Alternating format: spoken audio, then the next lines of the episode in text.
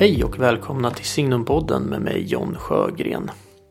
Idag kommer vi att bjuda på ett litet specialavsnitt då vi har sommaruppehåll för vårt ordinarie upplägg.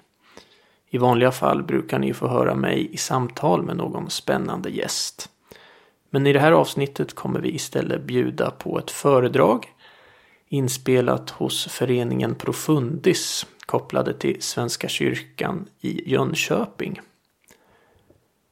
Rubriken för föredraget är Konstens sakrament och handlar om skönheten och skapandet som en väg till Gud.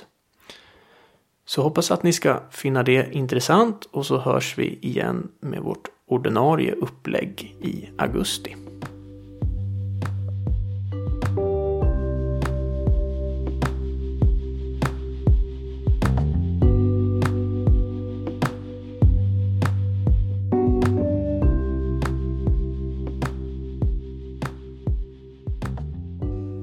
Är så vackert att det gör ont. Ofta är det ju så vi säger när vi står inför ett underskönt landskap, när vi hör några takter musik vi älskar eller vi läser ett par formfulländade diktrader. Varför är det så? Varför är våra starkaste skönhetsupplevelser nästan alltid förknippade med smärta? Varför är våra mest sublima estetiska erfarenheter så bitterljuva? Varför gör skönheten ont? I kristen tradition har man försökt förklara det här skönhetens vemod i teologiska termer. Kyrkofadern Gregorius den store pratade på 500-talet om ett begrepp som han kallade för compunctio det var från början ett medicinskt begrepp för fysisk smärta, men som hos Gregorius betecknar den själsliga oro som drabbar människan när hon konfronteras med det vackra.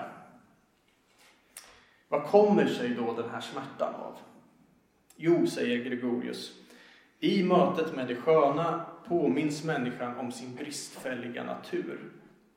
Den fullkomlighet vi en gång ägde i gemenskapen med Gud.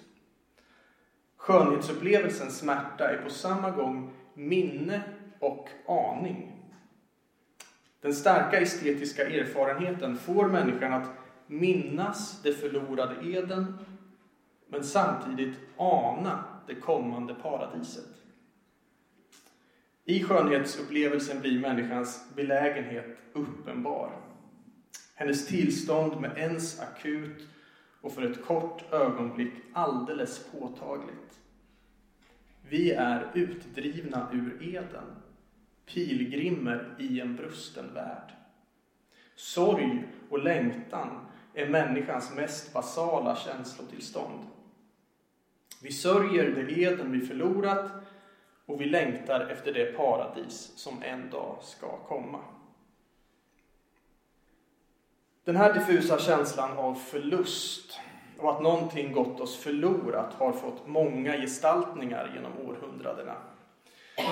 I den judekristna föreställningen är ju, eller föreställningsvärlden så är det ju själva urberättelsen om människan. Alltså Adam och Eva som går miste om det tillstånd för vilket människan från början var skapad. Det vill säga det paradisiska tillståndet. Så skönhetsupplevelsen då som Gregorius den store beskriver det är alltså en slags fantomsmärta, ett existentiellt eller andligt minne. Men skönhet, kanske någon tänker, kan man verkligen prata om det idag? I vår individualistiska och på många sätt relativistiska kultur. Är det inte upp till var och en att bestämma vad som är skönt, vad som är vackert? Ligger inte skönheten i betraktarens öga? Finns det något sånt som objektiv skönhet? Många idag skulle nog tveka ganska länge innan de vågade hävda att skönheten har en objektiv kvalitet. Men under exempelvis den katolskt präglade medeltiden så var det precis tvärtom. Då var det alldeles självklart att skönhet inte var en fråga om tycke och smak, utan just något objektivt. Den tidens tänkande gick i stor utsträckning tillbaka på klassiska antika filosofer som Platon och Aristoteles. Man tänkte sig att vart helst varat uppenbarar sig, vart helst det överhuvudtaget finns någonting som existerar, så kan man finna de tre klassiska transcendentalierna, de tre transcendenta kategorierna, det goda, det sköna och det sanna. Och de här tre hör oupplösligt ihop. Så det som är skönt måste således också vara sant och gott. Platon tänkte sig det absolut sköna som en ideal och transcendent form. Det vi upplever som vackert eller skönt i den här världen, det är endast ett slags vag återspegling av den absoluta skönhetens idé. Och det kristna tänkandet kring skönhet ansluter sig helt klart till den här platonska föreställningen. All skönhet emanerar, alltså kommer från Gud. Gud som inte är en varelse i världen, som inte är ett skönt ting bland andra sköna ting, utan som snarare är själva varat, som är själva skönheten. Man kan här komma att tänka på psalmdiktaren Geo Wallins vackra rader. Ack, när så mycket skönt i varje åder av skapelsen och livet sig förråder, hur skön då måste själva källan vara, den evigt klara. Men samtidigt finns det ju i den kristna traditionen ett starkt betonande av det konkreta och påtagliga, av den fysiska världens godhet. Gud skapar världen och ser gång på gång att det var gott, till och med mycket gott. Och i centrum av den kristna tron finns ju inkarnationen, alltså att Gud blir människa och tar kroppslig gestalt i världen. Så skönheten, vars källa då visserligen är den här osynlige och ogripbara guden, den måste ändå få fysisk form och gestalt för att kunna varseblivas av människan. Anden tenderar att skaffa sig en kropp, som Goethe skriver. Så i kristendomen finns en god och dynamisk spänning mellan å ena sidan den platonska tanken om skönheten som en transcendent form och å andra sidan det sköna som något förkroppsligat, fysiskt och påtagligt i världen. Det, det senare, då den förkroppsligade skönheten, når ju givetvis sin fulländning i Kristus. Vad utmärker då det sköna? Thomas av Aquino, den store medeltida teologen, han menade att det är tre saker. Enhet, harmoni och utstrålning. Den första enheten kan beskrivas av den känsla av inre koherens och sammanhållning som det sköna präglas av. En känsla av fulländning, ingenting kan eller behöver läggas till. Det andra, harmonin, handlar om balans. Det sköna präglas av en perfekt avvägning. Tar man bort någonting så rubbas balansen, harmonin försvinner. Och det tredje, eh, utstrålningen, och det är ju kanske det svåraste att beskriva och sätta fingret på. Samtidigt är det skönhetens kanske främsta kännetecken, alltså den här lockande attraktionskraften som det sköna har. Så det sköna måste alltså inte, för det finns ju en risk man pratar om det sköna, men eh, det sköna måste alltså inte nödvändigtvis handla om det konventionellt vackra eller så. Eh, om vi tänker konst, då givetvis kan ämnet konstverk som arbetar med dissonanser eller gestaltar det skeva, det såriga, det splittrade i tillvaron, det kan också vara skönt.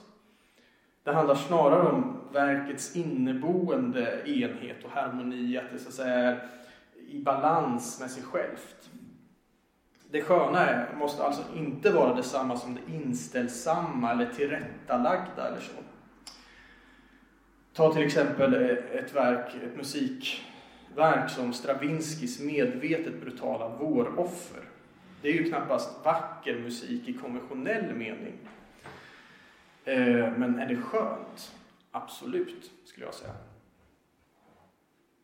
En annan av skönhetens egenskaper är att den gör oss till missionärer. Augustinus talade om två sorters skönhet. Den som är behaglig och den som manar till uppbrott. Det är den senare, alltså den som manar till uppbrott, som är den starkaste. Det är den som gör oss till ett slags skönhetens apostlar. När det sköna drabbar oss, då tvingas vi att stanna upp. Skönheten griper tag i oss för att sedan sända oss ut i världen. Precis som Jesus, som är sanningen och skönheten i mänsklig gestalt, grep in i lärjungarnas liv och sände dem ut i världen för att predika evangeliet. Likadant är det för den som tvingats till uppbrott av det sköna.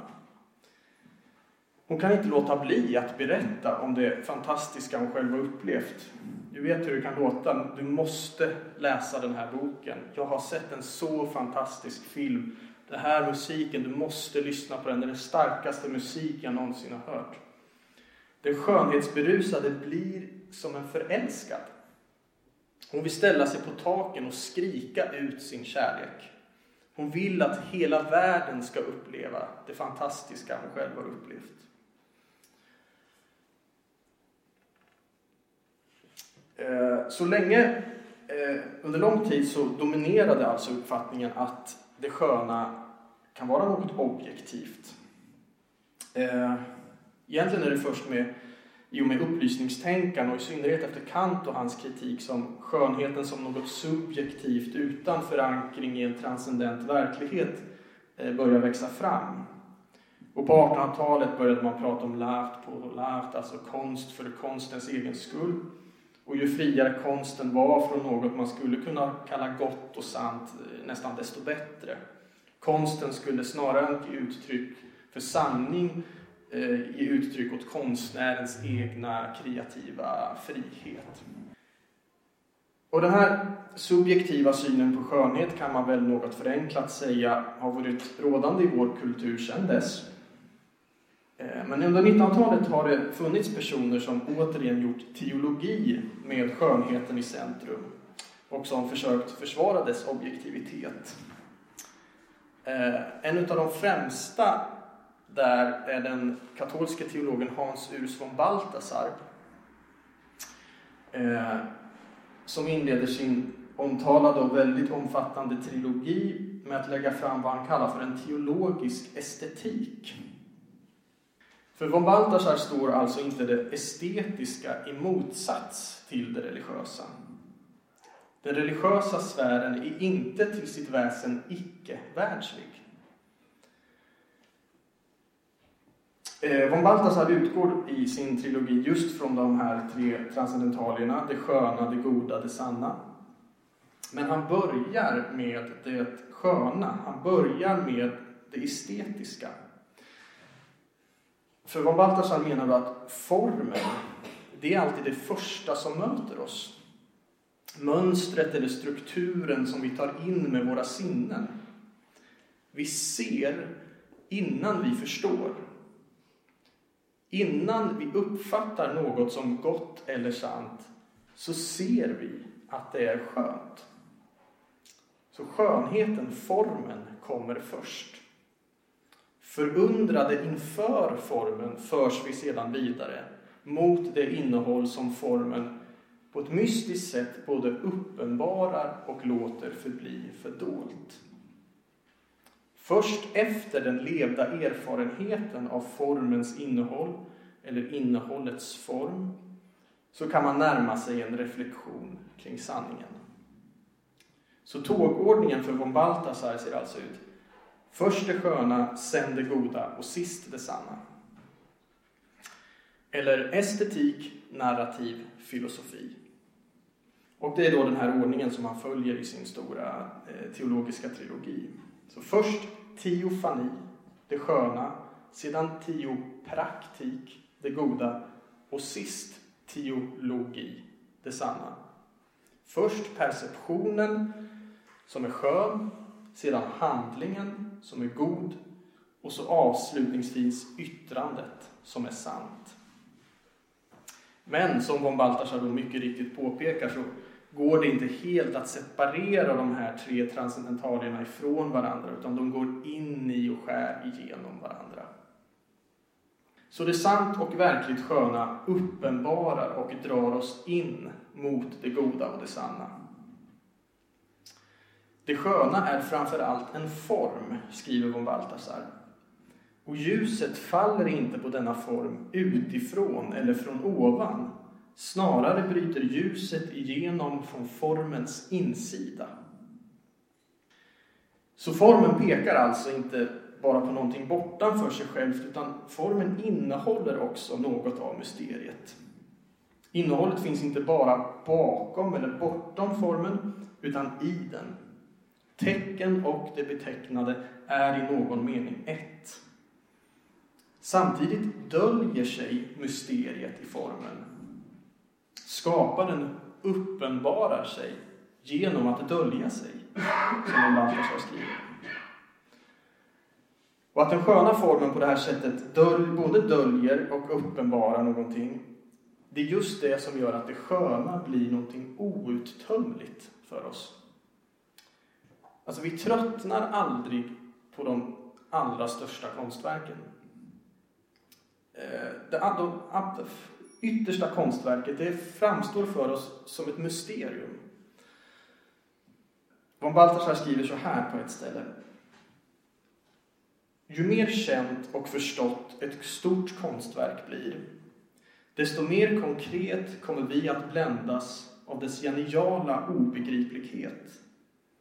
Vi växer aldrig ifrån något som vi erkänner till sin natur står över oss själva. Och detta kommer på intet sätt vara annorlunda när vi kontemplerar Guds härlighet, eftersom vi då kommer se att Gud är för evigt är den alltid större. Så för von Balthasar så är det självklart att betrakta den starka estetiska erfarenheten som ett tilltal. Det uppstår ett slags dialog i mötet med det sköna. Skönheten kräver gensvar, bejakande. Det är som Goethe menar att skönheten drar oss ut ur oss själva mot något större. Det är som en kärleksrelation. Den som blivit berörd av skönheten, av kärleken och eros tillhör inte längre sig själv, utan den älskade. Det är inte längre jag som lever, utan Kristus, skönheten och sanningen inkarnerad, som lever i mig för att parafrasera Paulus. Att bli absorberad av det sköna, det är att röra sig ut från sig själv och istället förundrat bejaka formen i sig. Den form i vilken Gud alltså på samma gång visar och döljer sig. Så det här att vara estet, att älska den sköna formen, det måste inte nödvändigtvis betyda att man är ytlig. Nej, att vara estet, en sann estet, är alltid i viss mån en teolog. Och en teolog måste alltid vara estet. Gud är ju det sanna, det goda och det sköna. Om skönheten inte finns med i den teologiska reflektionen är risken att balansen rubbas. Om tonvikten läggs för starkt vid det sanna så hamnar man lätt i stelbent dogmatism. Om det läggs för starkt vid det goda blir det lätt moralism. Det är balansen mellan de här tre som skapar god teologi. Och att vara form och stilmedveten är inte heller detsamma som att vara fåfäng. För som von Balthasar skriver, sann stil är inte detsamma som maner. Alltså det vill säga, det är inte någon extra krydda som man kan strössla lite över det man vill ha sagt. Utan äkta stil är resultatet av att ha blivit gripen av något större än vad man kunnat ana. Kanske skulle man kunna kalla äkta stil för ödmjuk stil. Det vill säga en stil och ett språk som insett sina egna begränsningar som förstått att språket bara kan snudda vid och antyda en sanning som formen låter oss ana. De verkligt stora konstverken skapas på knä, med böjt huvud och i vördnad inför något undflyende och ogripbart.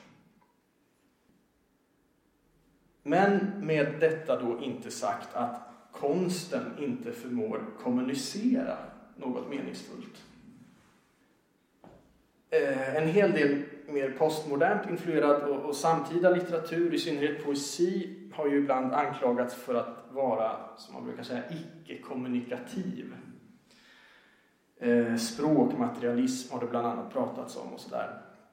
Och det kan vara en ganska bra beteckning på en viss typ av litteratur som kan säga sig grunda, på en, grundar sig på en materialistisk syn på språket. Alltså, där man tänker sig att en språklig bild eller metafor inte kan förmedla någonting bortanför sig självt. Språket är så att säga endast materia. Det förmedlar inte någon idé eller något ogripbart större som metaforen pekar mot. Men det här skulle jag säga är att reducera konstens och språkets förmåga. Den konstnärliga bilden, den slående språkliga metaforen, kommunicerar ett innehåll.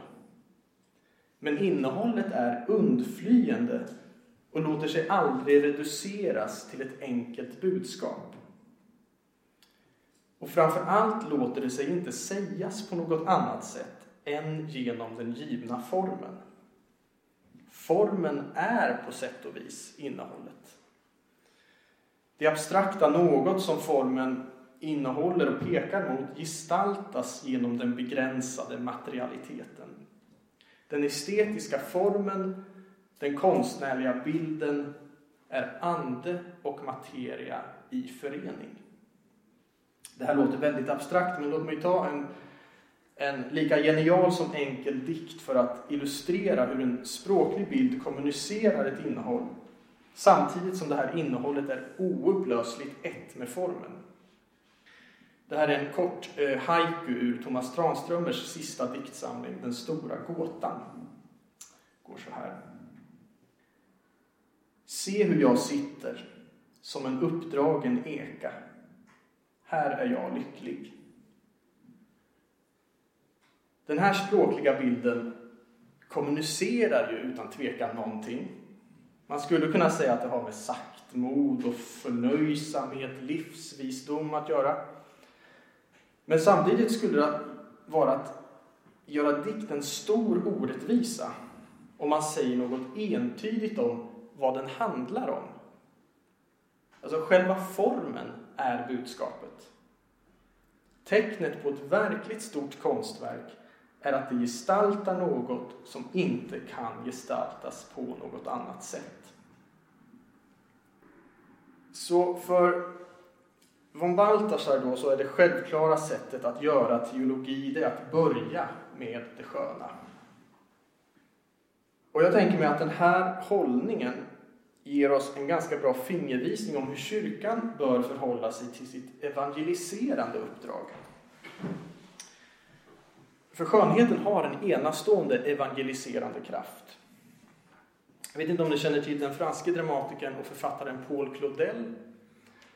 Eh, en av hans pjäser, Budskapet till Maria, spelades på Dramaten i Stockholm eh, häromåret.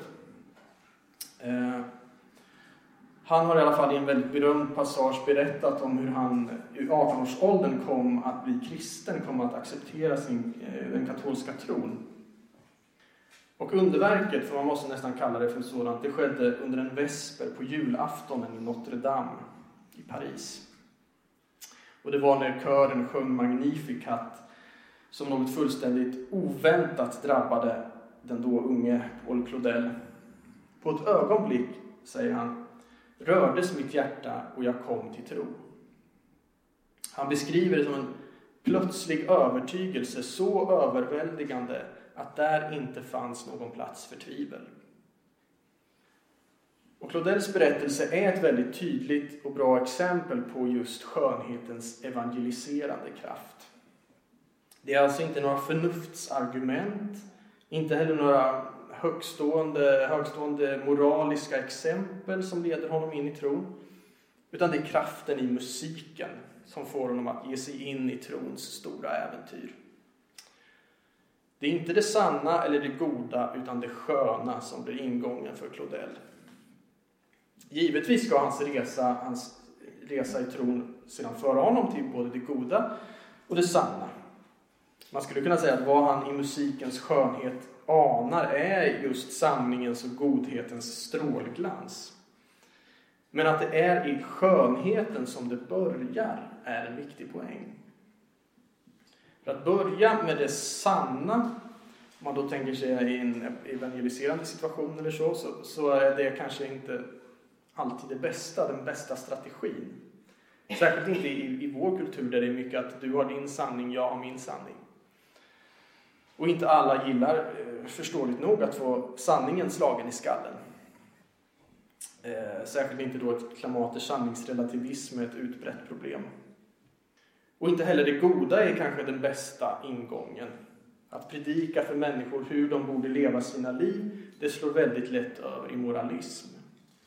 Men då är skönheten en mycket mer inbjudande och mindre påträngande strategi. Så peka på skönheten, få människor att längta att leva i harmoni och enlighet med den, så kommer det goda och det sanna komma av sig självt. Börja med estetiken, så kommer etiken att följa naturligt. Det är intressant att notera att i Gamla Testamentet är det just denna ordning som Gud väljer att uppenbara sig för Mose. I alla fall när förbundet sluts på nytt. Innan han får stentavlorna ber Mose Herren, låt mig få se din härlighet. Din skönhet skulle man kunna säga. Herren svarar, jag ska låta min höghet och prakt gå förbi dig. Men samtidigt som Herren går förbi med sin härlighet så skyler Herren Mose med handen. Du ska få se mig på ryggen, säger han. Men mitt ansikte får ingen se. Idag är dock frågan om vi ens vågar se skönheten på ryggen. Vi tycks i vår kultur lite grann skygga för skönheten. Vi har svårt att ta den på riktigt allvar. Vi slår den ifrån oss kanske som ytlighet eller som en fråga om smak och preferens. Man kan fråga sig varför. Kanske har det med just det där andliga minnet som Gregorius den store pratade om. Alltså det händer någonting i mötet med det sköna. Något väcks till liv inom oss. Ett vagt minne om vilka vi innerst inne är. I den ogrumlade skönhetsupplevelsens ögonblick anar vi helt enkelt sanningen om oss själva. Och kanske är det just därför som skönheten i vår tid upplevs både som tilldragande och lite skrämmande. För vi längtar alla efter att lära känna sanningen om oss själva. Men att konfronteras med, eller enbart ana den sanningen, det är inte alltid en helt angenäm upplevelse. Att för en kort stund känna hur evigheten strömmar genom tiden. Att ana att jag inte bara är en ansamling av celler och vävnader utan en varelse skapad i Guds avbild. Det är en upplevelse som kan tvinga en till radikala omprioriteringar i livet. Att ana att livet har mening kan vara den värsta livskris man kan uppleva. Men i slutändan är det sköna givetvis ingenting att frukta. För endast genom att följa skönhetens spår genom att lyssna till sin innersta längtan kan man få syn på livets djupaste innebörder. Så skönheten att ta till sig och uppleva god konst det kan man alltså utifrån en kristen synvinkel uppfatta på ett sakramentalt sätt. Alltså som något som något konkret, något fysiskt påtagligt som förmedlar Guds nåd till människan. Men även att skapa konst, även den mänskliga kreativiteten kan man uppfatta på ett liknande sätt. Filmregissören Andrei Tarkovsky avslutar sin filmteoretiska essäbok Den förseglade tiden med att slå fast att det konstnärliga skapandet är det yttersta beviset på att vi är skapade till Guds avbild. För i konsten visas som allra tydligast att människan, precis som Gud, har drivkraften och förmågan att skapa. Och jag tänkte att jag nu avslutningsvis skulle ta några exempel på hur det här och skulle kunna kalla för det heliga skapandet tagit sig uttryck i några moderna verk, och konstnärskap. Och jag börjar med just Andrei Tarkovsky, den ryska filmregissören som säkert eh, flera av er känner väl till. Känd för sina långsamma och kontemplativa filmer. För Tarkovsky var filmandet mycket mer än ett formellt arbete. För Tarkovsky var det snarare, alltså han hade enorma ambitioner och förväntningar på vad han som konstnär skulle kunna åstadkomma. Hans filmer skulle, som han själv uttrycker det, få människan att känna kravet att älska, att ge av sin kärlek, att känna igen det skönas bestämmelse. Samtidigt vägrade han alltid att vara stolt över sin talang, för den var ju en gåva från Gud.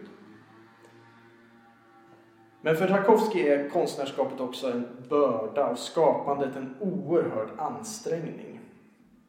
Konstnären framstår hos Tarkovsky närmast som en Kristusfigur.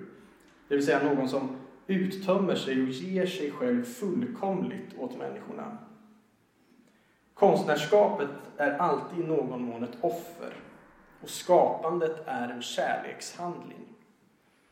Konstnären lever inte för sin egen lycka och om hennes konst syftar till att förhärliga henne själv, då är konsten inte mycket värd.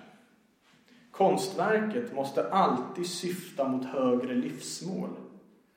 Eller som Tarkovsky själv krast uttrycker det, det finns viktigare saker än att vara lycklig. Den här självuppoffrande och totalt självutgivande konstnärssynen eh, gestaltas i Tarkovskis stora film om ikonmålaren Andrei Rubjov. Eh, särskilt i det sista episod som skildrar hur den unge Boriska leder arbetet med att gjuta en stor kyrkklocka. Det här är en lång och väldigt detaljerad skildring. Eh, vi åskådare vi får vara med om allt. Utväljandet av bränningsplats, sökandet efter den rätta leran, bränningen och till sist får vi också se hur den färdiga klockan konsekreras och slår sina första dovt klingande slag. Men framförallt får vi då följa hur den här klockgjutaren, den unge Boriska, fylls av vad som måste beskrivas som en besatthet vid att få den här klockan färdig. Här är det verkligen skapandet som börda och som mani, som ett ohejdbart flöde av vilja och energi. Ikonmålaren Rubjov, som vid det här laget i filmen drabbats av en skaparkris och inte målat på många år, bevittnar hela Boriskas skapande process.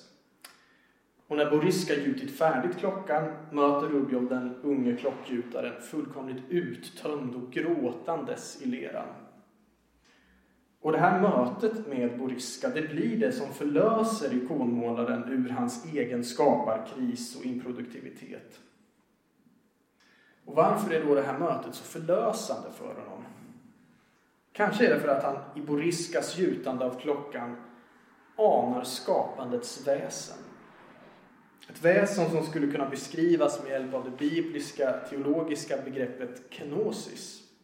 Vilket är ett ord för Kristi akt av uttömmande av sig själv på korset. Jesus utgiver, tömmer sig själv för mänskligheten. Hos Tarkovsky skulle man kunna tala om konstens kanosis. Att skapa, att vara kreativ, det är att tömma sig själv totalt. Att likt Kristus ge hela sig åt mänskligheten.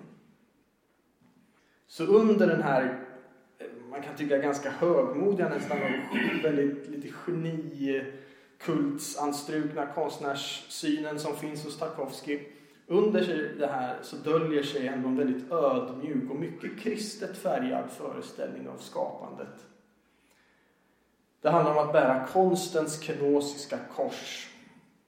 Kort sagt, att skapa är att tjäna. Det andra och sista exemplet jag tänkte lyfta fram är den danska poeten Inger Christensen. Ofta tänker jag att konsten och religionen springer ur samma källflöden i människan. Nämligen den här känslan av förundran inför det närmast obegripliga miraklet att något överhuvudtaget existerar. Behovet av att sätta ord på det här grundläggande, ofattbara, det kan vara den ursprungliga impuls ur vilken all konstnärlig verksamhet springer. Och få författare, tycker jag, lyckas gestalta den här känslan av förundran och vördnad lika kraftfullt som just Inger Christensen. Hennes mästerverk Alfabet är en vindlande och komplex eh, poetisk konstruktion som egentligen kan beskrivas som en meditation över ett enda ord. Finns. Storökt ser den diktande ut i världen och registrerar häpet allt som finns. Här är världen verkligen mirakel. Ett epitet som ofta vidhäftats Kristensen är systemdiktare. Ända sedan det stora genombrottet med diktsamlingen Det från 1969 har Kristensen bundit sina diktsamlingar i mycket strikta och till synes hämmande former. Diktsamlingen Fjärilsdalen från 1991 är en så kallad dubbel sonettkrans. Och Alfabet från 1981 har en ännu intrikatare struktur.